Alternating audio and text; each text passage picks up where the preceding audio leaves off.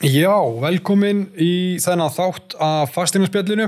Þetta er mikilvæg þáttur fyrir fyrstu kaupendur að því að nú er að fá Hildi Kristínu frá Íslandsbanka í spjall um lánamál og svo eftir það fer ég yfir ferlið bara frá A til Ö fyrir fyrstu kaupendur og það er í rauninni bara hvað þú átt að hafa í huga þegar þú átt að skoða fasteg, hvernig þú stillir upp tilbúði og hvað, hvað skiptir máli þar og svo bara ferlið bara frá kauptilbúði, kaupsamning og yfir í afsal.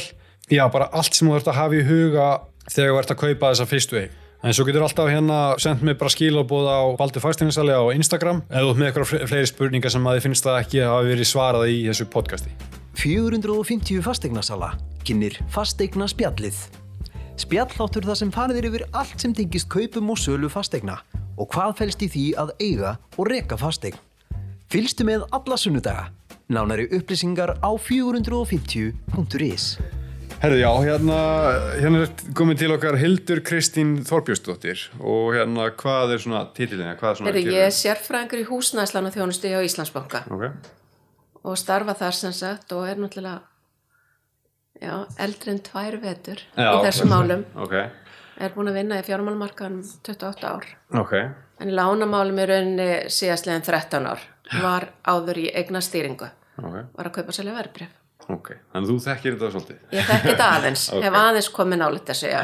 Glæðislegt Hérna, og kannski svona, byrjum á svona kannski bara markaðinu núna. Núna er það kannski, sko, búið að vera litlar hækkanir, eða lítið um hækkanir með að við svona eins og þetta hefur áður. Mm -hmm. eins, og, eins og ég sé þetta þá er, er svolítið búið að vera tækifæri fyrir fyrstuköfunu til að safna, að því að þau eru keppa við hækkanir, þau eru búin að hafa smá tíma núna kannski ár til að safna og eru jafnvel núna verið að spá kannski hérna áframhaldandi stöðugu verði þannig getur verið að spara fyrir, komast inn á markaðin og við erum að sjá þetta strax núna er unni að fjölga fyrstukaupundum af hérna, þeir sem eru að kaupa, eða ekki? Einmitt, jú. Það er alveg að snar aukast frá, frá því fyrra. Jú, fyrstukaupundar er svona, þú veist, okkar helsti kannski viðskipta að vinna hópur Já. og það sem er kannski einmitt eins og þú segir að því markan er búin að vera stabili heldur en bara var til og með eins og þið þekki hérna árið 2016 og 17 mm -hmm. þar sem að þú varst eða svolítið bara eins og hamstur að hjóla að hlaupa til þess að ná mark markaðunum og dæmið um það, veist, ég fekk eins og viðskiptavinn sem að þú sagði bara, heildur, ég verð bara að kaupa núna því ef ég kaup ekki núna, sko, þá bara tapa ég 11% og þá var hann bara búin að rekna svo út með við hækkuna, þú veist að hans eigi fyrir myndi bara í rauninni lækka þarna með 11% Já. sem var algjörlega rétt hjá hann í rauninni Já. þannig að núna er í rauninni má segja að markaðin sé svona háfeldari hvað þetta var það, meðan að þetta er ekki alveg í þessum hækkunafas eins og var þarna 2016 og 17 Já. En það sem við kannski ráðlegjum alltaf svona þessu unga fólki og ekkert endilega unga fólki, bara þeir sem er að fara út á markaðin í fyrsta skipti, að það er svona þú veist að vera búin að kanna í rauninni sína fjárastlegu getu og þá einmitt með eitthvað svona bráðabera greiðslumati mm. og það getur gert í rauninni hjá öllum fjármálastofnum eða böngunum, farið svona greiðslu getu mat ja. sem segir svolítið í rauninni hver þín greiðslu geta er á mánuði og það er svona líkilætri áður og ferðirinn að kannski að skoða eignir mm. og þú getur líka þá kannaðirinn eins og hjá okkur þá getur þú valið í rauninni ferð þetta greiðslu getur mat og svo getur þú valið að fara áfram. Og þá getur þú valið í rauninni og kerfi segir svolítið hversu dýra eign þú getur keift út frá þóinni greiðslu getur ja. og þá þínu eigin fyrir sem þú átt. Þessum peningar sem þú átti sem að leggja út sem útborgun. Ja. Það getur og, líka verið slæmt þegar fólk er kannski búin að fara og gera sér eitthvað væntingar um herri eða kipt dýra veg Já og það er fátt eins og við höfum bara svo, segjum svo oft það er fátt sko bara svona, hvað sem, bara svona leiðinlegur en að vera búin að finna drauma eignina ert, já og þú ert bara fluttur inn í huganum eins og við vitum, þú fer bara og sér eigna, já þetta er eigna sem ég langar í og þú ert fluttur inn og svo kemur bankjörn og segir bara, nei þetta er ótt dýrt.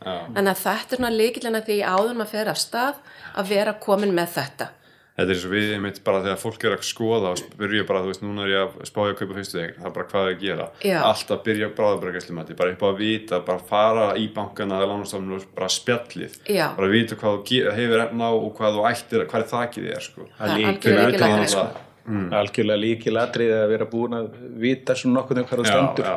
Þetta styrkir líka sem kaupandi. Ef þú segir, ég ætla að bjóða hérna, ég er búin að vera í bráðabrækjastlumat ég er rock solid í þessu það er alltaf samt einhver, hérna, einhver sem getur spilað inn í og svona.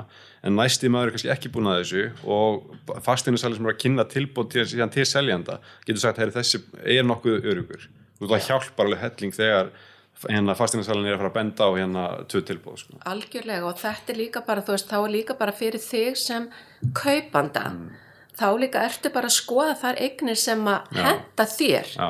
þá ertu ekki að fara að skoða eignir sem að þú myndir að kannski aldrei geta keft nei, nei, og þá getur líka að hugsa, ok, ég get keft þetta eign sem segjum bara kosti 40 miljónir þá getur líka að skoða eignir sem er kannski aðeins ódýrari. Já, já, já, veist þá hefur svona kannski meira hvað, getur stærra mengi til þess að skoða. Já, kannski svona aðeins meira og veist þá alveg hver þín staða er. Já.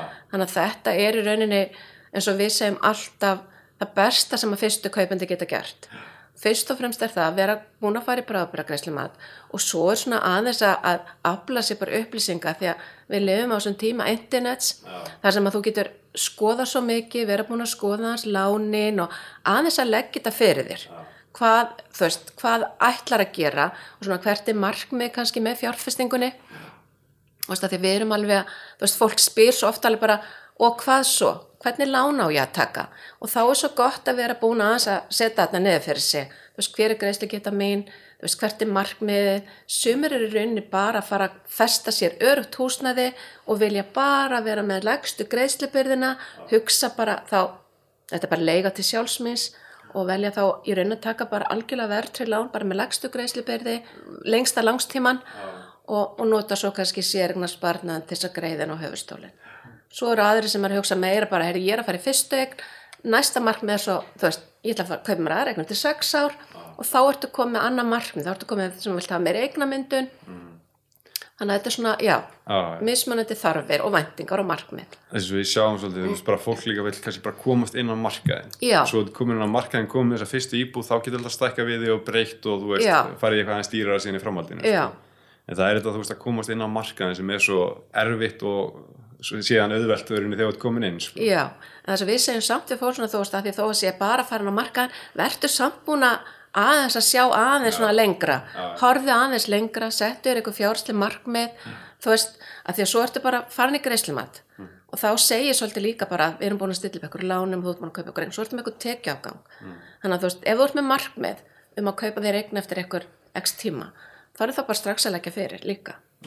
Eða ekki, að lán. já, er ekki betur að greiða niður kannski lánið? greiða niður lán, þú veist, þú veist, skoða hvað er best að gera, þú veist, eitthvað svona, þú veist, að því þá ef þú ert búin að setja eitthvað markmið, þá veistu hvað þú ert að stefna. Og Hvert er svona láns uh, hlutfalli? Er lánið upp í hvað, 65% og Nei. síðan auka lánið? Já, við lánum sem sagt til allra, lánum við 80% kaupverð eignar og lánin okkar í rauninni skiptast í svona grunn og viðbótar lán.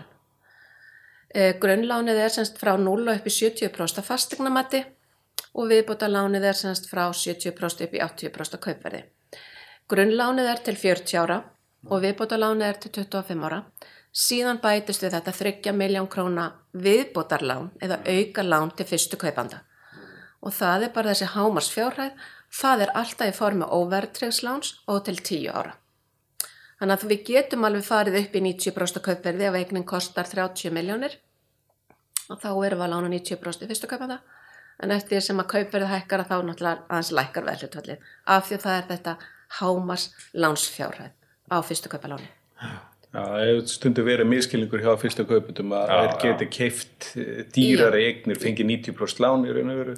Það er endur ekki Nei. s- raunin. Það er ekki raunin og við erum kannski að fá fólk sem er að kaupa eign á 40 miljónir því þið vitum alltaf að markarn hefur hækkað og það kannski er ekki rosalega mikið úrval á 30 miljónir eins og þið þökkið að, hérna, og þá kannski fólk komið herra og er með 40 miljónir en svo svo á því að við lánum bara 32 í, í húsnæðaslán og svo 3 miljónir í fyrstu kaupa lán og þá þarf það að eiga 5 miljónir þannig að þetta er svona gætir aðeins miskilnings alltaf byrja á því að fara að tala við ykkur og spurja bara hvað er Já, hægt sko. best að koma í bankan þú veist, koma eða ringja, þú þarft ekki endilega að koma, þú getur líka bara ringt Já, til það er Og- rosalega mikið rárænt líka. orðið rafrænt og svo erum við líka með netspjall. Já. þú veist á netinu, svona örugt netspjall sem fólk getur lokað sem bara með rafrænu skilíkjum og það er svona líkillin af þessu öllu saman að það að fólk sé með rafræn skilíki þú ert að sækja um greiðslumati með rafrænu skilíkjum þannig að það er svona líkillin að því að, að komast í þetta ferli. En þetta þú basically getur gert greiðslumati bara með rafrænu skilríkjunum og fengið ef gengið gegnum allt ferli á þess að hitta nokkuð til þú getur gert það. Já.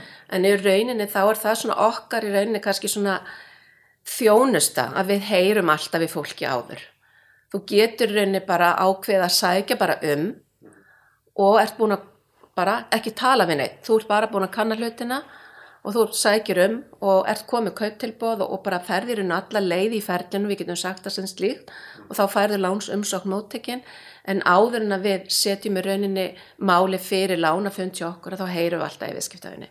Svona aðeins tökum spjallið. Þú veist, er þetta örgla láni sem hún vil taka? Að því fólk er kannski bara heim í tölvinni og það velur kannski bara eitthvað, eitthvað kosti og svo þegar maður fer að spjalla við það þá bara Nei, ég held að þetta lán sem ég væri að velja væri svona en ekki hins einn. Þannig, þannig að við tökum alltaf spjallið. Er ekki flestir sem að samt ringja að mæta á staði? Jú, þetta flest... er ekkert eins og að panta pítsu, þetta er svona, þú veist, maður vill að eins heyri ykkur manneski, ég er hláðan þannig, sko. Jú, flest allir eru þar, en auðvitað erum við náttúrulega líka bara með sérfræðinga mm -hmm. sem er að taka lán, sem eru bara mentaðir, fræðingar, viðskiptfræðingar, verkfræðingar, þeir kunnit alveg og þekkit að sjálfsögðu erum við líka með þannig viðskiptafinni ah. og þá tekum maður bara öðru sér spjallu þá mm. en, en þorrin vil heyra í okkur og það er svolítið það sem við viljum gera þetta er stór ákvörðin ah. fastegna kaupir, veist, þetta er stæst ákvörðin lífin sem hún tekur Algjörlega. og við heyrum alveg í ungu fólki sem er að koma alveg bara ég er að fara að skulda allt hérna rosa mikið og það er líka bara, þú ert að skuldbinda því í langan tíma, 40-25 ár að það er eins gott að hafið eitthvað með þér í leiði fastjárnsalanir og fjármálustofnanir við erum þessir aðala sem að kom þessu fólki svona í raun og leiðbeinu þeim ja. í þennan farveg En greiðslumat, spilum aðeins um það bara hvað, þú veist, hvað getur fólk gert bara til að vera, þeir heyrðið svona aðeins á þeir, þú veist, bara fólk er misundibúið það kannski mætir Já. á staðin bara, ok, ég veit ekki neitt, þú veist, er betra að fólk mætir, heyrðu, hérna er hérna, þú veist, ég er með þetta í tekjur, þetta er hérna að séu búin að vinna ykkur undirbúningsvinni, er það hjálpa? Rauninni... Alltaf hjálpar í raun að vera aðeins búið að undirbúa sig mm -hmm. og greiðslumati er í raunin þannig því þetta byggir raunin svolítið við erum að bundi náttúrulega bara fast, lögum en fastegna lán við verðum að framkvæma greiðslumat það er bara samkvæmt, lögum verðum að gera það og svo líka að við erum líka bundin í raunin þessum viðmöðum velferðaráðanetti sem neyslu viðmið og þú veist, sem dæmi átti ég bara spjall við viðskiptafinni síðustu ykkur sem bara var ósáttu við til mis framfæslu tölur og eitthvað svona inn í matinu. En bara því miður, við getum ekki breytt því. Nei. þannig að það bara, og við miðum alla jafna við meðaltalslaun síðustu tólmánaða en auðvitað ef að hefa orðibreitingar fólk hefur breytt um vinnu eða eitthvað sleikt orðibreitingar þá skoðum við það. En þetta er svona þessi vinnuregla hjá okkur. Og það er aldrei þannig að að eins og við segjum að tölvan segir nei, þú fær kannski segjum bara og sérst að sækjum að þá færðu neikvægt mat. Og þá er svo gott í rauninni bara að senda svona fyrirspurn þegar þú ert að gera matið, senda okkur fyrirspurn og spurja af hverju, þá ringjum við förum yfir og skoðum hvað það er sem er að hafa áhrif af hverju matið er neikvægt og þá getum við útskýrt það í rauninni. Ah, Það er svo ég sá ykkur að lista svona, þú veist hvað á að hafa í huga, þú veist, ef þú ert að fara í hérna, fara að taka lán og það er svona eins og til dæmis, þú veist, ekki skiptum vinnu rétt áður þú veist, ef þú ert búin að taka Já. þú veist, ef þú ert ekki búin að vinna bara rétt þessum nokkra mánuði áður að fyrir mati þú veist, það spilar svo stórt inn í sko. það spilar alveg inn í, en það er aldrei eitthvað sem að við, sko, ég menna ef við segjum bara þú sért bara, tökum svona dæmi þú ert bevilaverki, þú ert búin að vera að vinna hérna hjá heklu, svo ferða bara vinna hjá bíall og þú ert búin að vinna þar kannski bara í nokkra, bara vikur þá vitum við það bara bíall er bara stöndjátt fyrirtæki. Og það tökum við bara ráningarsamlingin þetta er svipað tekjur og vast með. Ah. þannig að það er svona bara, veist, þetta er aldrei eitthvað svona bara nei, ekki nei. gera þetta. Veist, þetta er bara allt meti og skoðað. Ah. það er svolítið það sem við erum í raunin að gera. Ah. veist, það er aldrei eitthvað bara nei, það er bara aðlað það að þú hefur ekki haft neinartekjur og allt í einu kemur um með eitthvað rosamikla tekjur, kannski frá fyrirtæki sem við þekkjum ekki, við setjum kannski spurningamarki við það, en svona alla jafna þá bara er hort bara, bara já, við horfum bara í ákveðum auðum á það sem við fáum, gögnin. Hvað tekur þetta langa tíma svona, þú veist, að fara í gegnum þetta ferli ef að fólk er ekki alveg, þú veist, ef það er eitthvað svona vafadrið eitthvað síðan? Já, ef það er eitthvað segjum bara sem dæma að, við getum bara sem tekið dæma á sjálfstæðar atvinnrekandi, að þá er það nú bara þannig að við erum í rauninni að sækja staðgreyslu skráríkiskastjóra og þá í rauninni kemur það þannig að þú er hérna með reikna endurgjald, þá kemur það ekki inn þannig að þá þartu að heyri okkur. Það tekur ekkert langan tíma. Ef öll gögg líka fyrir þá myndi ég segja svona fer eftir einhverja bara hvernig staðan er hjá okkur sko. En svona, þú veist eins og í dag ef allt er í lagi, enga breytingar þá erum við jafnvel að svara innan dagsins. Okay. en segjum að sé eitthvað, þú segir svona sjálfstæðar aðnurreikandi til dæmis bara út læknir og ert með félag sem heldur utan um þínu tekjunu sem er mjög algengt að þá kannski tekur það aðeins lengri tíma. Þá getur það tekið þrjá fjóra daga eitthvað svo leis fer náttúrulega bara eftir aðstæðum hjá okkur hversu mikið er að gera og allt þetta, hvernig mannaflin er eins og bara síðasta vika það var mikið um veikindi og eitthvað svona þá kannski svona hægir á okkur, bara eins og gerist hjá fyrirtækjum, að eins og þið þekkið, en já, svona þrjá fjóra En svo þegar það búið að samþykja lánið, Já. hvað tekur það langt tíma að gögnin eru tilbúin og geta farið til fastegninsalans? Já, sko þegar segjum bara í svona einfaldasta dæmi bara að þetta er fyrstu kaupandi, það er allt í góðu matar, hans tekjur öll gögg líka fyrir, hann sækjur um að kvöldi, þá ætti hann að geta fengið svar í rauninni fyrir lok næsta vinnudags, jafnvel verið búið að koma fyrir lánafönd. Það fer síðan til í skjalagerð og við gefum okkur alltaf að skjalagerð taki svona 2-3 virkadaga. Fastegna kaup ganga alltaf fyrir að við vitum að það er einhver annar aðeins sem býður, það er seljandi. Þannig að það gæti tekið svona 2-3 virka daga en eins og að búið vera núna hjá okkur að þá bara hefur jafnveg bara skjalagerðin verið tilbúin eftir einn dag. En hérna núna bara þegar ferðliðurinni þegar þú ert búin að fara í bráðabyrgæslum og, og veist hvar þú stendur og gerir Mhm. tilbóð uh, hvað er manneski að gera henni frá því að samþykkt tilbóð og hún lætur ykkur fá hérna tilbóðið, þú veist, er eitthvað meira sem fólk þarf að hafa í huga eftir þetta? Já, sko, bara, sko bara eins og ég segjum segjum bara Baldur að þú var að koma hérna til minni rákjum og þú veist ekki neitt og við erum svona búin að spjalla bara fyrst um greiðslumati og aðeins um lánin og eitthvað svona og svo segja ég Baldur, svo fer þú að skoða það eign. Og þá er ég pínu svona að segja bara mann, myndi bara skoða eignina vel. Og það er kannski líka það bara skoða ástandið hennar og allt þetta. Þetta er svona ráleikingar sem að við segjum við þetta unga fólk sem er að fara á markaðan taktu pappa með, þú veist, hann hefur gert þetta áður eða eitthvað frænda eða frængu eitthvað sem að hefur gert þetta áður. Hafa eitthvað annað með þeir að skoða eins og þið vantarlega að segja við ykkar viðskiptafinni skoða eignina vel segjum að þú farir svo framur og þú finnur draumaeignina og, og, og slíkt og þá ferðu bara aftur inn í greiðslumati sem þú áttu þarna bráðbærumatið og heldur það áfram og velur inn í lána möguleikana sem við vorum kannski múin að ræða á fundinum okkar. Velur þau lán sem þú vilt og þú stillir því svolítið sjálfur upp í ferlinu setur kaup tilbúið með og sölu við litið, það er það sem við viljum fá. Og bara í rauninni klára ferlið, þetta eru sjö skref og þá kemur svona láns umsókn móttökin þá kemur þetta til okkar og við skoðum þá kaup tilbúið hvort að það sé allt í lagi. Og sölu við litið hvort það sé í lagi megnina og ef allt er í góði þá setjum við málið fyrir lánanemnd eða lánafund til samþykis og svo er þetta með alltaf þessi spurning bara með eigi fjö og staðfestur í rauninni sjálfur í ferlinu að þú eigir það eigi fjö sem þú veist leggja út fyrir í kaupsamningu og við afsal. Þannig það ekki að liggja inn á reikning eh, Sko. fyrir greiðslumat eða? við erum svo sem ekki að kanna það í dag. Af því að við getum út af bankalend að þá erum við náttúrulega mjög ofta að lána bara viðskiptunum sem er ekki viðskiptum hjá okkur. Þannig að viðskiptunum er bara staðfestur en eigið eigið fyrir að því það getur verið í ymsu formi. Það getur náttúrulega verið í formi bara innegnina bankareikningi það getur líka verið í formi bara verbrjáa egnar og síðan náttúrulega bara innegnar í sérgnarsparnaði og svo oft styrkur frá aðstandendum sem er mjög algengt í rauninu hjá fyrstu kaupendum þar sem að fólk er að foreldrar eða aðstandendur er að styrkja með eigi fér þannig að þú staðfestur rauninu bara að eigi fér liggur fyrir, þú átt það. Og við erum svo ekkert í rauninu kannski að sannreina það. Við bara treystum okkar viðskiptafinum að þeir segja satt. Sem er náttúrulega bara það sem við eigum að gera. Já, Nákvæmlega.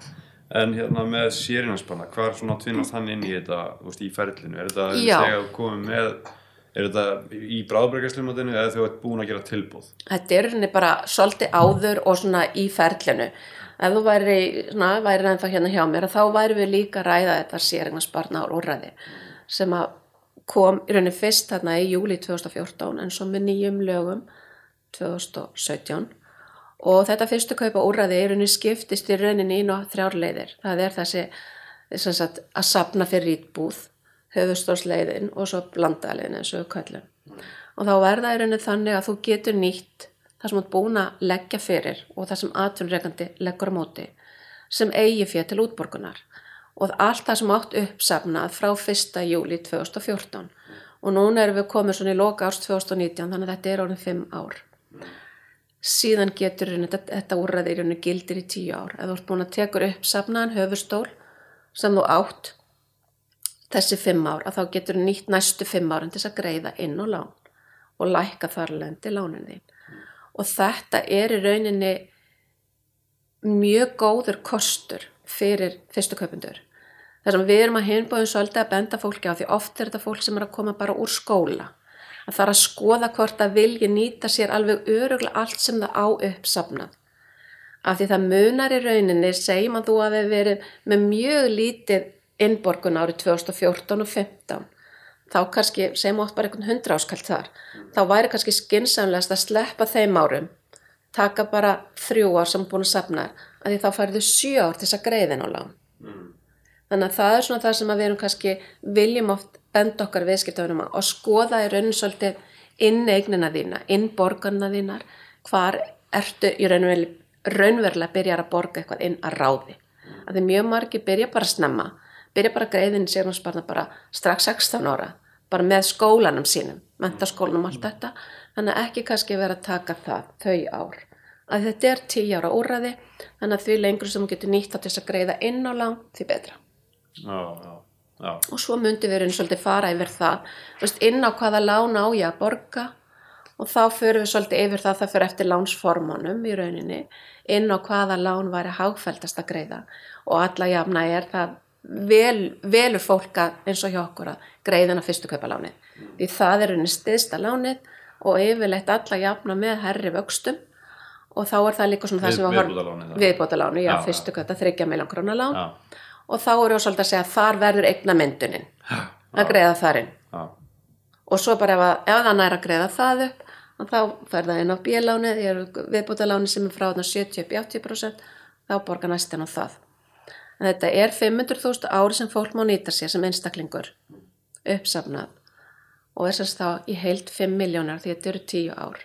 Og fyrir par er það þá 10 miljónir og það munar alveg um minna. Og þetta er í rauninni að, að við segjum alltaf í rauninni að þetta er í rauninni að þú ert ekki með sérhansbarna þá ert að verða af, af, þá ertu með launalækkun. Mm. af því aðtunreikandi greiðir þarna 2% á móti sem má segja að sé bara launahækkun í umslæðið og þetta er ekkert svo mikið sem er að fara af launóniðinum hver mánuð. Og ef þú verður bara með 4% 2% þá er þetta 6% sem þú getur nýttir. Og það munar um það að þú ert að greiða aukalegin á lánið 20-30 á mánuði. Þú ert komið það, það munar alveg um það að það lækkar. Eru margir að nýta sér þetta? Eða meir hluti eða? En meira hluti fyrstu kaupanda held ég. Annars höfum mjög litlar tölur um þetta. Það er erfitt að meta. Af því svo er það líka þannig að hérna, fólk getur svo sem hætt þessu hvernig sem er. Þannig að en þetta er náttúrulega, þetta er skattfrjálst. Og það er ekki mikið í þessum heimir sem er skattfrjálst. Ha, þannig, að, þannig að það er, þú veist, en auðvitað hefur þessi spurning komið líka upp að því þá er ég að rýra jú, eftirlaunin mín og eitthvað svo leis en það má kannski segja að, að oft er innegni fastegn eða, eða eigni fastegn að hluta til líka eitthvað skonar lífeyrisegn Já, að hluta til eins og hjá okkur Íslendingum það má segja að það sé að eitthvað hluta þá skuldaru minna. Já, þegar þú ferð eftir laun og auðvitað er það á það að vera markmið hjá eiginlega flest öllum að, að setja þetta markmið að vera skuldlaust þegar það fer eftir laun því þá lækka launatekjunar okkar. Já, algjörlega. Þannig að það er svona þannig, já. Nú erum við búin að sjá svolítið frá ykkur svona einmitt vídeo og einmitt svona alls konar kynningarefni þú veist um akkurat svona sparnað og svoleiðis hérna hvar, hvar er þetta að finna þetta eru, veist, þið erum eitthvað kynningar eða ekki eitthvað líka? Jú, við erum með, erum með ímis námskeið sem við erum að, erum að fara bjóða upp á í rauninni útibónum okkar. Það er bæðið bara hvort að heitir verðtryggt, óverðtryggt og hvernig eignast ég íbúð. Já. Þannig að þetta eru mjög góð námskeið sem okkar sérfræðingar eru, eru að halda. Og einmitt með lán líka Með munin, lán, já, munin á óverðtryggum og verðtryggum lánum. sem er stórspunning Sem og fólk oft- svona kynkar oft kolli bara já, Já, ok, já, ok, já. það veit ekki hver munurinn Nei, er hver munurinn er og þá er gott að fara þessi námskeið og svo er á heimasíðun okkar er ef að fólk fer bara í leitina og segir bara fyrstu kaup þá eru það rosalega góðar og ítalegar upplýsingar til fyrstu kaupanda þú veist eins og við sem er ekki bara hjá okkur það er bara allstar á vefnum er rosalega mikið af góðum upplýsingum fólk á að, á að skoða og, og, og afla sér í rauninni. Og við finnum það finnst mér núna. Mér finnst þetta unga fólk sem við erum að taka á móti núna, mér finnst það vera upplýstar en það var áður. Já, mér finnst flest allir eru búin að gera svolítið heimavinnu, þannig að mér finnst það allavega, þú veist, fólk er búin að segja þegar maður fer, já við vorum búin að skoða þetta, við vorum, ég var búin að skoða þetta og getur útskýrt þetta fyrir mér, Já, já. þannig að mér finnst fólk vera meira undirbúið áður. Við tökum eftir þessum bara svolítið hjá okkur sko að fólk er hérna stundu bara með uppstillingu hvernig tilbúið á að vera og er svona, Já, já. þú veist, sérstaklega þeir sem eru kannski hérna eitthvað mentaðir, þú veist, Já. eitthvað í lögfræði og svona Já, sko. já, Það er alveg fyndið að sjá mun og kemur rosalega undirbúið, þú veist, Já. að veit svona hvað hérna, hvað það er að fara út í, þú veist, hérna, bara varandi lán og, og hvað það hefur efna áslega, sko. Einmitt. Það er alveg gaman að sjá að, þú veist, það eru miklu fleiri núna einhvern veginn undirbúnir og vita hvað það er að gera, sko. já, finn, finnið þið ekki fyrir þessari breytingu líka? algjörlega, sko. Já, mér finnst þetta að vera bara, mér finnst þetta jákvæð þróun Já. og segja kannski líka eitthvað kannski bara um þess að umræðum fjármálalæsi og allt þetta, fólk er að, það vill vera undirbúið, Já. það vill ekki fá eitthvað óvendar uppákomur, þú veist, á leiðinni, Já. að því það er líka bara kannski sem að það veit oft miklu meira heldur bara við hérna, Já, já, já, það þetta sko. Já. það er bara, því þetta er náttúrulega svo margir staðir sem þetta er að fara og fá lán og algjörlega, já og það er það sem við svo sem hvetjum alltaf okkar viðskiptavinu, þú veist alveg shop around sko, Já, já, þú veist skoðuð alla möguleika og, og einn allt fara þetta. svona kynninga líka mér finnst það ekki snill, sko. það er alveg bara það er hellingsmæting og það er alltaf hérna, hérna enda á svona spurningum að fólk er að spurja bara hvernig, þú veist, er þetta og þetta Já. eitthvað sem það er ekki búin að finna kannski í einhverju svona almennu kynningarefni sko. Og þá er einmitt að spurja út í eitthvað sem maður veit ekki sko. Ég sé einmitt að heimasíðan ég, ég var að leita þessu sko, Já. fyrir einhverjum dögum bara svona einmitt vídjónum og svona Já. ég fann það ekki á síðunni en Nei. ég fann það á Facebook en núna prófaði ég að slá inn sko, fyrstu kaup og þá kemur alveg kemur alltaf slík sko. já, það kemur allt þar svo er náttúrulega bara auðvitað erum við náttúrulega á Facebook og það eru allar þessar kynningar og allt það svo er líka held ég að fara á YouTube og, Já, já. já, er sko út um það, allt. þetta er út um allt sko. Hérna, bara ég held að þetta sé svolítið vel dekka, við erum allan að koma með svona upplýsingar sem við vorum að leitast eftir Já, frábært að heyra. Og bara væri gaman að fá þið bara aftur ykkur minn heimsson og hérna Já, bara- spjalla betur um þetta. Bara við erum allavega alltaf til. Já. og bara ég verð að segja að þetta er mjög gott framtak. Já, mjög fyrir. ánægilegt, Geggjað. Er hérna bara takk fyrir þetta í bíli takk sem er leiðis Já, þetta fyrstu kaupaferli er ekki auðvelt og hérna, ég vildi eiginlega að ég hefði fengið meiri upplýsingar á sínum tíma þegar ég kefti uh, mína fyrstu. En hérna, ég er búin að sapna núna sama sko, svona því helsta sem ég held að sé mikilvægt bara að þú vitir í, í þessu ferli. Það er einnig bara, bara hvernig hérna, stillir upp kauptilbóði, hvað fylgir því, hvaða ábyrð og svona, hvenar hérna og líka bara varðandi afhendingu, kaupsamning og afsal, hva, hver, hvað þú átt að skoða, hafa í huga þegar skoðar fastegn, hvað þú átt að spurja fastegnarsalinn og svona, og að reyna að tróða þessu inn bara öllu núna í restina þættinum. Þannig að fylgstu vel með. Nei, tjók, við viljum að með smá kaffi hérna, býta, býta, býta aðeins. Herðu, ok, já, uh, varðandi bara gögn til dæmi sem þú getur skoðað eða heimasíður, þá er þetta frekar einfalt, þetta er bara MBL og vísir fyrir hérna, það er allar, allar fasteignir sem er á sölu eru þar inni, MBL bara skásturik fasteignir og vísir.is, það er fasteigna vefur þar líka, bara fasteignir.is getur farið inn á það er, það er sama dæmið sko. Og svo er það vefur þjóðskrá. Það er skrá.is og þar getur skoðað fermetraverð, meðal fermetraverð í hverju hverfi fyrir sig. Og það er besta mæli einingin á verði á fasteignum er fermetarverði, ég fer aðeins betur í það á eftir. Og svo, er það, og svo erum við með heimasíður eins og Urbjörg, Urbjörg og Herborg. Uh, þar getur við skoðað lán. Bara hvað, hérna, hvaða kjör hver lánastofnun að bjóða. Og bórið þetta saman hann fáir bestu kjörin af lánum. Og það er orðið rosalega mikilvægt að bera þetta saman í dag því að það er svo rosalega mikið í bóði og það, var, það hefur aldrei verið svona mikið núna bættu svona lífur í sjóðinni við og það er alveg endilast að möguleikum með bara mismundir lán. Þannig að hérna bara bera þetta saman og eins og við höfum talað um núna bara að ringi í þess að lánastofnunni mæta fund, taka spjalli, bara kynna sér þetta rosalega vel að þetta er ógæslega mikilvægt að geta munar rosalega miklu á afborguna mánuði, bara velja rétt lán. En varðandi gögn sem að skipta máli og eru mikilvægt, þetta er aðalega tvö, hérna, tvær, tvö blöð sem eru mikilvægust, það er sölu yfirlitið og yfirlýsing húsfélags. Á sölu yfirlitinu sérðu allar grunn upplýsingar bara um fasteignina byggingrár, fermetrafjölda og það er eitthvað svona auka eins og bílskúr eða svona. Og öll gjöld sem, að, sem fylgir því að eiga þessi eign. Það eru fasteigna gjöld, brun og trygging og allt það. Og þetta er einblað, sko fasteignasalar þurfa að fara eftir mjög ströngum reglum bara og lögum varðandi söluvild, hvaða upplýsingar þurfa að koma fram og svona. Og þetta er svona heilegasta skjalið sem þú færið bara varðandi eignina. Og nema náttúrulega yfirlýsing húsfélags sem er í rauninni blaða nummið tvö sem er mikilvægast það er söluvild og yfirlýsing húsfélags. Í, yfirlýsingu húsfélags er talað um ef það er eitthvað sem er búið að samþykja og er, er eitthvað framkvæmdi vantalegar þá kemur það fram í yfirlýsingu húsfélags.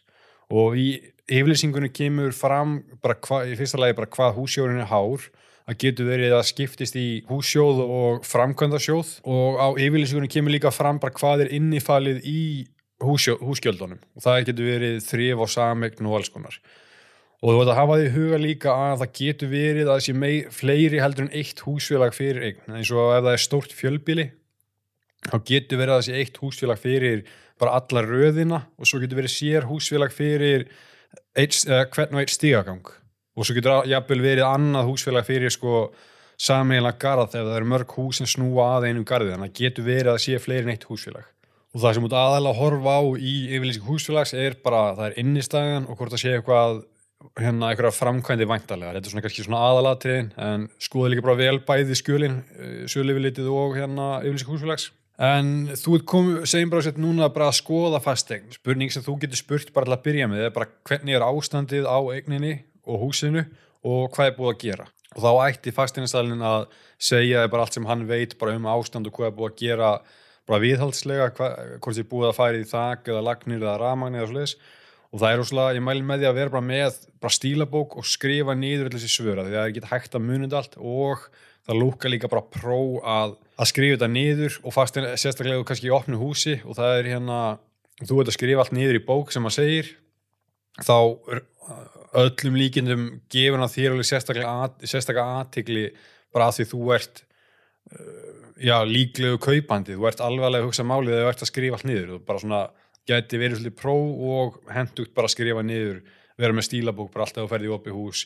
Og það sem að skipti máli það sem að hann á eftir að segja fasteignasalinn eftir að segja frá er væntalega ramagn, lagnir skólp, dren þak, þú veist það getur verið gluggar og svo svolítið bara svolítið þitt líka að skoða það er ástand af gluggum, innrettingum gólvefni og öllu svoleiðis og ef þú sér það eru til dæmis gamlir opnar þá getur verið að lagninu séu gamlar, hann er bara að spurja út í þetta og ef hann veit ekki eitthvað þá er náttúrulega býður hann bara um að kanna það og láta það vita sinna, þannig að hérna og hann, það er ekkit endilega að fastinarsalinn viti allt um eignina en hann getur alltaf að tjekka á því og láta því vita þá í framhaldinu. Og fyrir það sem ekki vita er dren, það er sér lögn sem er fyrir utan húsið ofan í jörðinni það sem að ef það, ef það rignir þá að, kemur hérna vatn vantala, eins og veist í jarðvegin það er einni þessi lögn kemur í veg fyrir það að vatn sapnist saman bara við húsið. Að þá hérna fer vatnist inn í þessar lögn og rennur frá húsinu. Og ef þetta klikkar þá getur það valdið því að vatn sapnast upp bara við húsið ofn í jörðinni. Og það getur valdið því að raki komi í gegnum veggin og, og getur hérna valdið skemmtum þannig að það er mikilvægt að þetta sé í lægi og þetta eru dýrar framkvæmdir, þetta eru eina skorp og dren að það, það þarf að grafa upp og svo leiðis þannig að ef að það er fínt að hafa það í huga ef að húsið er gamalt að spurja út í hvort það sé búið að drena og hvernig ástandir á skorpi og þum að putta reglan með allt svona sem er fyr, annarkvært fyrirhugað eða þarf að fara í ef það er komin tími á glugga eða þak eða það er eitthvað sem er að eigninni þá er eðlilegt að það skilir sér í lagra verði heldur en gengur og kýrist á markanum ef það er stórt sem það að fara í. Og það er rosalega gott ef þú sér það á yfirlýsing húsfélags að það sé til peningur í húsjóð. Ef það er til nokkra miljónu það er ekkert fyrirhugað og það eru til nokkra miljónur í húsjóð þá er húsjóðin svolítið tilbúin í það að það komi upp ykkur vandamál. Og það er alltaf stór plús að það sé til hérna annarkvært í húsjóð eða framkvæmtasjóð og sum hérna húsfélag bara sapna pening og eiga alltaf til miljónu að það færið eitthvað. Og innegn í húsjóð er alveg svona heilu, hún fylgir alltaf bara eigninni, þannig ef þú selur eignina þá tekur ekki bara þína innegn þetta er eitthvað sem að bara húsjóðurinn á alltaf og notar í framkvæmdir. Yfirlýsing húsfélags er oft svona frekar einföld, hún þetta er bara eitt blað sem stendur hvað er hérna, hver, hver innegnin er og segjum að það er bara ekkert fyrirhugað en eitt svo leiðis að það er alltaf rosalega gott að spurja um hvort sér til fundagerðir eða skýslur, ástandsskýslur að því fundagerð bara frá síðasta húsfundi þá er ofta rætt eitthvað það getur, það styttist í kannski viðhalda þaki eða eitthvað sem er ekkit endilega búið að samþykja að það er fyrirhugað framkvæmdir. En það er samt komin tíma á það, þetta er eitthvað sem getur fundið uh, í svona fundagerð bara frá síðasta húsfundi. Og stundum er búið að búa til bara ástand skýslu fyrir húsið á fyrirtæki fengi í það að, að bara taka út ástand af húsinu og búa til bara sér skýslu um það að þetta gefur alveg rosalega góða mynd bara hvernig ástand á húsinu er og alltaf kostur ef að þetta er. Þó að skýslan líti út eins og það sé bara allt að húsinu þá er þetta oft, þá er oft gott bara að hafa þetta að því þetta er kannski plan fyrir 10 ár eða 20 ár hvað þarf að fara í á næstu árum. Og bara varnaði skoðun á eigninni að þegar skoðar eign þá ég reynir alltaf að það er alltaf þessi aðalatrið alltaf bara ástand á gólvefnum, innrættingum og allt svoleiðis og það er hérna og líka bara kíkin í skápa og bakvið sofa og allt svoleiðis, þannig að alltaf gott allt, uh, og byggðir alltaf fasteinasalum um leiði en hérna en bara ekki hika við að spurja bara má ég kíkja hérna bakvið sofan eða sérstaklega bara við útveggi og í hotn og svona? Ef það er hægt, það verður ekki endilega rústa íbúðinni. En ef þetta er íbúð sem þú ert virkilega spá í og ætlar að bjóða í þá er alveg eðlilegt að vilja skoða hver krók og kýma er rauninni. Prófa að láta að renna hérna vaskana, sjá hvernig vassrenslið er. Ef að hérna vassrenslið er lélægt það getur þýtt að lagnina sé orðin að slappar eða eitthvað sliðis og kíkja á hérna timbrið í gluggum ef það er timbur. Og getur séð oft bara að fyrir eitthvað augljóstundum á hérna glugganum ef þetta er orðið slaft og hérna lítur ítla út. Spurja fastanarsalinn út í bara hvort það sé komin tíma á gluggana og hvort það séu kannski ef það eru orginal opnar í mjög gömlu húsi getur það þýtt að lagnuna séu kannski komin á tíma og við bara spurja út í þetta allavega? Ef það eru mjög ábyrjandi gamlir opnar hvort að hérna hvort, bara hvað eru séu gamlir og hvort það getur verið komin tíma á þá. En svo er oft spurt út í fastegna mat og hvort að það tengist eitthvað söluverði ef að hérna fastegna mat er undir eða yfir ásettu verði eða eða nálagt í eða langt frá eða eitthvað að fastina mat segir rauninni ekkert eða lítið til um verðið á eigninni. Fastina mat er rauninni bara það sem að það er einhver reikniformúla sem er nótuð bara miða við meðal fermetra verði í hverfinu hvað þessi ætti cirka að kosta bara til að sveitafélagi geti rukkað fastina gjöld. Að fastina gjöldin miðast við fastina matið og þetta er aðalega bara skattstofn.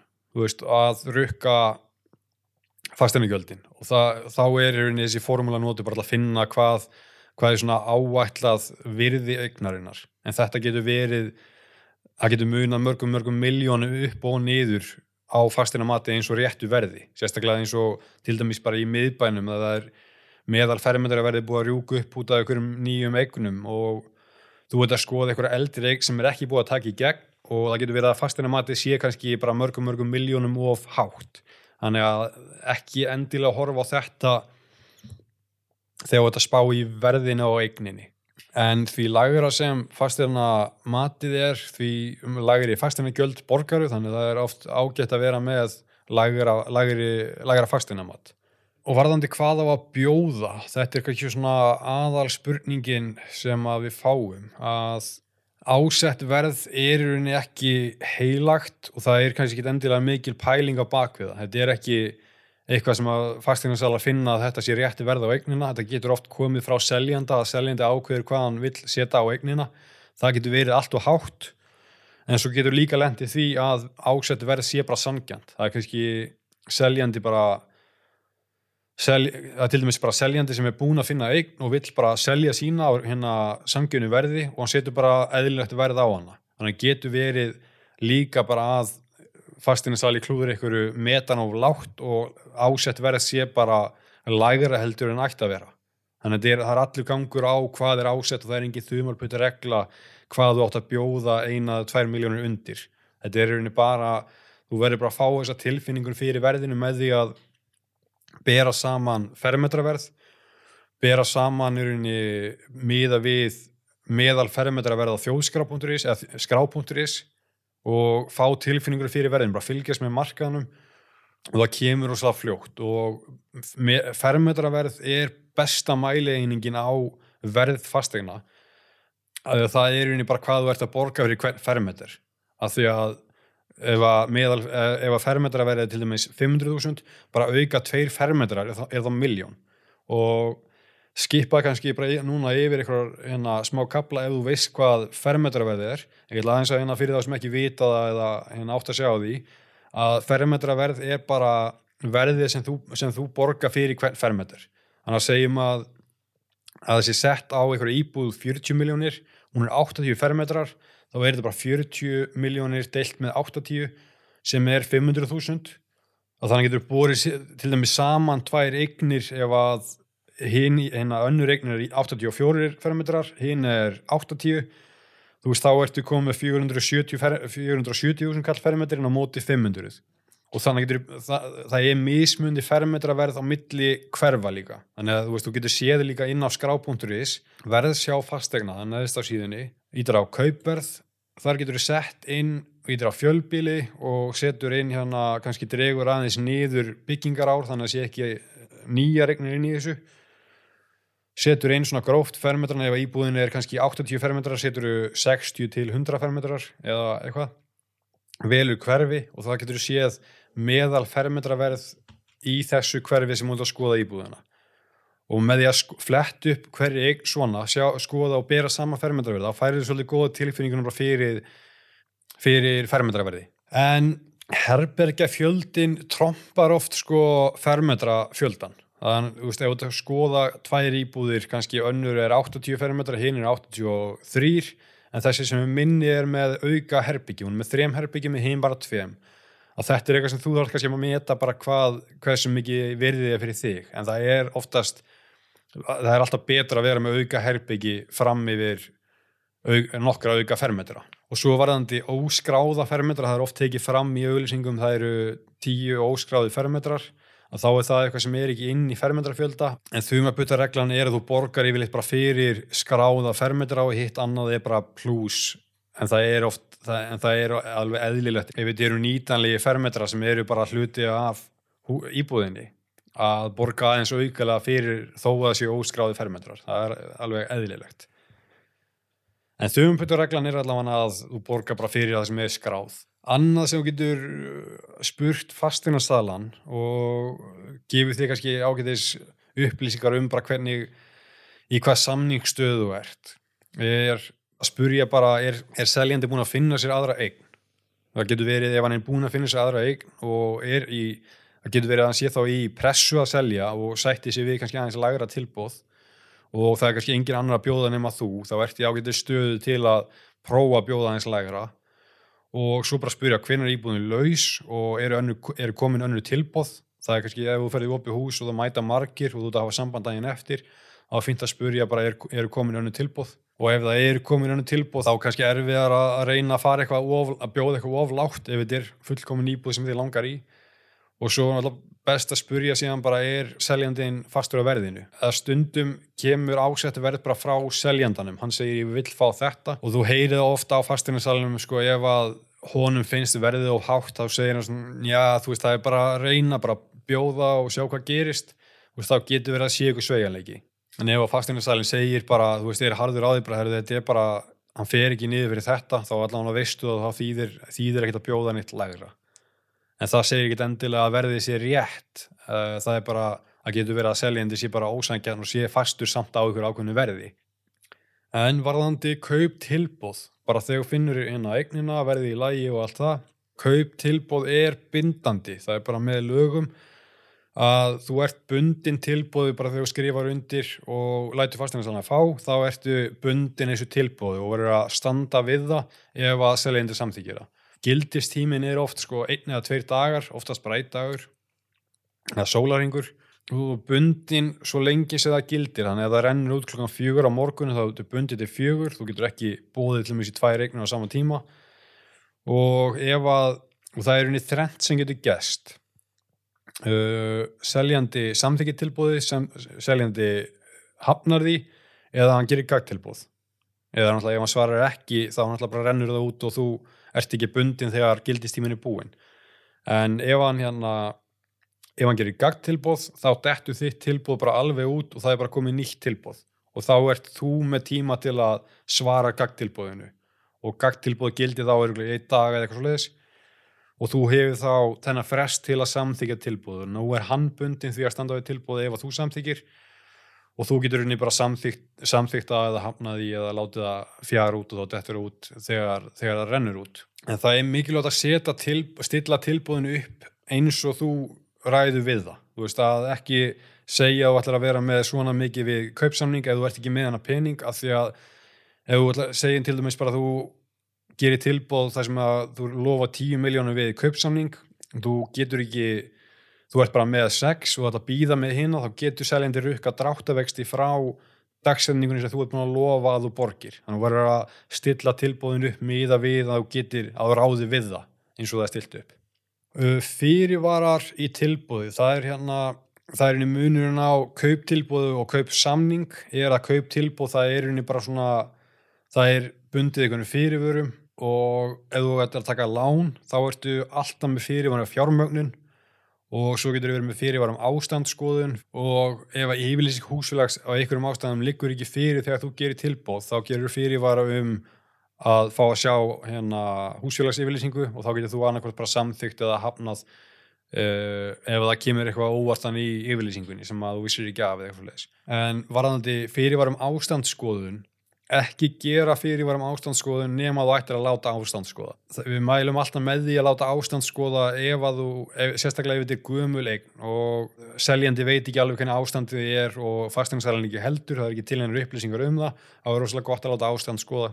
En ef þú gerir fyrirvarum ástandsskoðun og lætur ekki ástandsskoða, þá getur henni verið að rýra þinn rétt að því að ef þú lætur ekki ástandsskoða og ert með fyrirvar þá er, er tilbúðið miða við það og hafi látið ástandskoða og ef það kemur eitthvað upp, eitthvað vandamál sem að hefði átt að koma í ljós við ástandskoðun þá getur henni seljandi sagt, herru, hann let ástandskoða eða gerði fyrirvar um það og hann hefði átt að vita af þessum gallan það getur verið svona alveg worst case scenario að, að þetta rýri þinn réttur henni þegar það kemur að galla. En þetta er svona svolítið ekstrím dæmi en bara svona allavega ekki gera fyrirvaran nema og allar á notan Þú getur líka gert fyrirvara um bara venjulega skoðun, bara ef þú ætlar að láta, koma með einhvern fóreldra eða ættingi eða eitthvað til að skoða eignina þá getur gert tilbóð með fyrirvara um það að einhver, hérna, einhver ættingi eða einhver komi með þér að skoða aftur. En þetta líka veikir tilbóðið þitt aðeins ef að þú ert að bjóða til dæmis eftir opið hús og það er einhver annar að bjóða saman tíma, þú er með fyrirvarin skoðun og hinn ekki. Þá er þitt tilbóð aðeins veikara. En Þú getur gert þetta ef að þú ert bara svo eini eða eina sem er að bjóða í eignin eða vilt bara virkilega að einhver fari með þér aftur að skoða. Uh, kaupsamningur, það er unni þegar, þegar það er búið að taka frá alla fyrirvara. Þú ert búin að fá fjármunum, þú ert búin að láta ástand skoða eða að gera það og þá er unni farið í kaupsamning og í kaupsamning þá er unni farið yfir all, all gögg sem að fylgja eigninni farið yfir unni lóðalegu samning, eignarskipta auðlýsingu og fleiri gögg og þú borgar kaupsannins greiðsluna og þannig verður þú erinni formulega eigandi af eigninni en seljandir ennþá afsalshafi. Og ábyrðin flist ekki yfir á þig með eignina fyrir með afhendingu en kaupsamningur, kaupsamningur fer í þinglýsingu og þú eru skráður eigandi af eigninni og hérna seljandi afsalshafi. En ábyrðin af eigninni flist yfir á þig þegar þú far eignina afhenda daginn sem þú far afhend þá fær, hérna fer öll ábyrð á eigninni yfir á þig. Sem því það að þú byrjar að borga öll göld af eigninni og þú berðir hérna bara ábyrð á eigninni. Ef það kemur upp eitthvað vandamál með eignina daginn eftir að þú var aðfendt þá er á þína ábyrð eins líka með tekjur ef það er eitthvað tekjur af eigninni ef það er leiðjandi í eigninni og þú ætlar að leiða hann út áfram eða hann er í nokkra daga eftir að þú fara aðfendt að þú teku við leigutekjum daginn sem þú farið aðfendt En ástæði fyrir að afsalið er ekki strax er að þetta er hugsað þannig að þú fáir eignina aðfenda að þú búir í eigninni í mánuð og sjáir hvort það sé eitthvað alvarlegt að eigninni. Og það er ástæði fyrir að það er sér afsalsgreðsla. Þegar þú gerir tilbóð, stillir upp greiðslum, það er greiðsla við kaupsamning og það er eitthvað lán og svo afsalsgreðsla og afsalið er yfirleitt mánuð eftir aðfendingu og aðeins ég hérna ég gleymd að tala um áðan held ég, en hérna varðandi lán, þegar þú stillir upp tilbúði og afhendingar við kaupsamning, þá er eðlilegt að láni greiðist út við kaupsamning.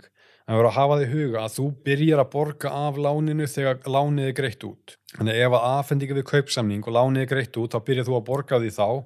En ef það er til dæmis, og það var margir lendi í þessu og hérna lendi vandræði með þetta, að láni greiðist út við kaupsamning og afhending er ekki fyrir en þrjum eða fjórum mánuði setna, að þú byrjar að borga af láninu samt við hérna kaupsamning og byrjar að borga af láninu í 2-3 mánuði áður um fær afhend og það getur verið svolítið dýrt að þú ætti að leia eða átt íbúð fyrir eða eitthvað að borga af tveim eignum eða borga leigu og afborgun og ekki eins og bara fá íbúðuna að afhenda.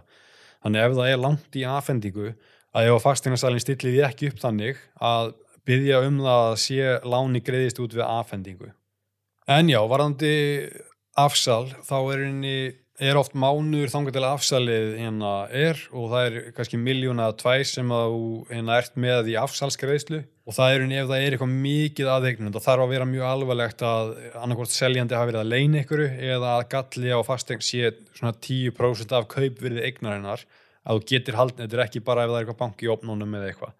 En þessi afsalskreisla er hugsuð þannig að þú getur haldið eftir greislu ef það er eitthvað mikið aðeigninni En ef það er eitthvað gallið eða eitthvað þá myndir alltaf að hafa sambandi í lögfræðinga eða fasteinarsala áður um að fara að halda eftir greiðslu. En almennt er afsal bara uppgjör á milli kaupand og seljanda. Það er bara gengið alveg frá kaupunum. Þá verður þú bara alveg eigandi og afsalshafi.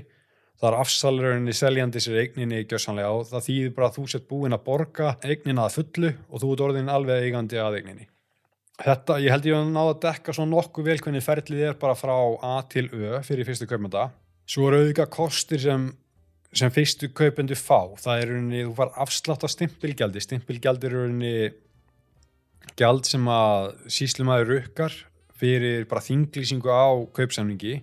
Þú getur notað sérignarsparnaðinn og ég mæli með að kynna það bara sérstaklega. Það er svona eiginlega efni í annan þátt líka en hérna bara 100% mæli með að kynna það og svo oft er lántöku kostnaður nýðufeldur og, og svoleiði sem að og svo líka er sko það að ef að þú ert að bjóða og einhver annar að bjóða á sama tíma og hann á eftir að selja fastegn, þú ert að kaupa í fyrsta skipti þá getur verið að þú setja aðeins sterkari stöðu og getur jafnvel komist upp með að bjóða aðeins lagra heldur en næsti maður ef hann á eftir að selja. Eins og markarinn í dag er að teka langan tíma að selja og þú ert í sterkari stöðu ef þú ert fyrstu kaupandi og átt ekki eftir að selja að bjóða mót ykkur með þeirri sem á eftir að selja.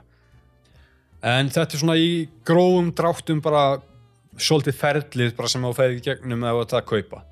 Og í næstu þáttum fer ég aðeins meira yfir bara ástand og viðhald fastegna og nánar um lánamál og alls konar. Þannig endilega fylgjast með og ekki hikaði að senda mér spurninga bara á Instagram bara baldi fastegnastali það gæti verið það ekki bara auka þátt eða komið mikið að spurningum basically eina sem ég byggðum er að það væri geðveikt næst að þú myndir bara gefa podcastinu review ef það er hægt í appinu sem þú ert að nota og endilega láta vinaðina vita af þessu podcasti sem er í einhvern svipuðum pælingum með fyrstu kaup eða eitthvað. Eða góðan dag og takk fyrir að hlusta. 450 fastegnasala kynir fastegna spjallið. Spjalláttur það sem farið yfir allt sem tengist kaupum og sölu fastegna og hvað fælst í því að eiga og reka fastegn. Fylgstu með alla sunnudaga Nánari upplýsingar á 450.is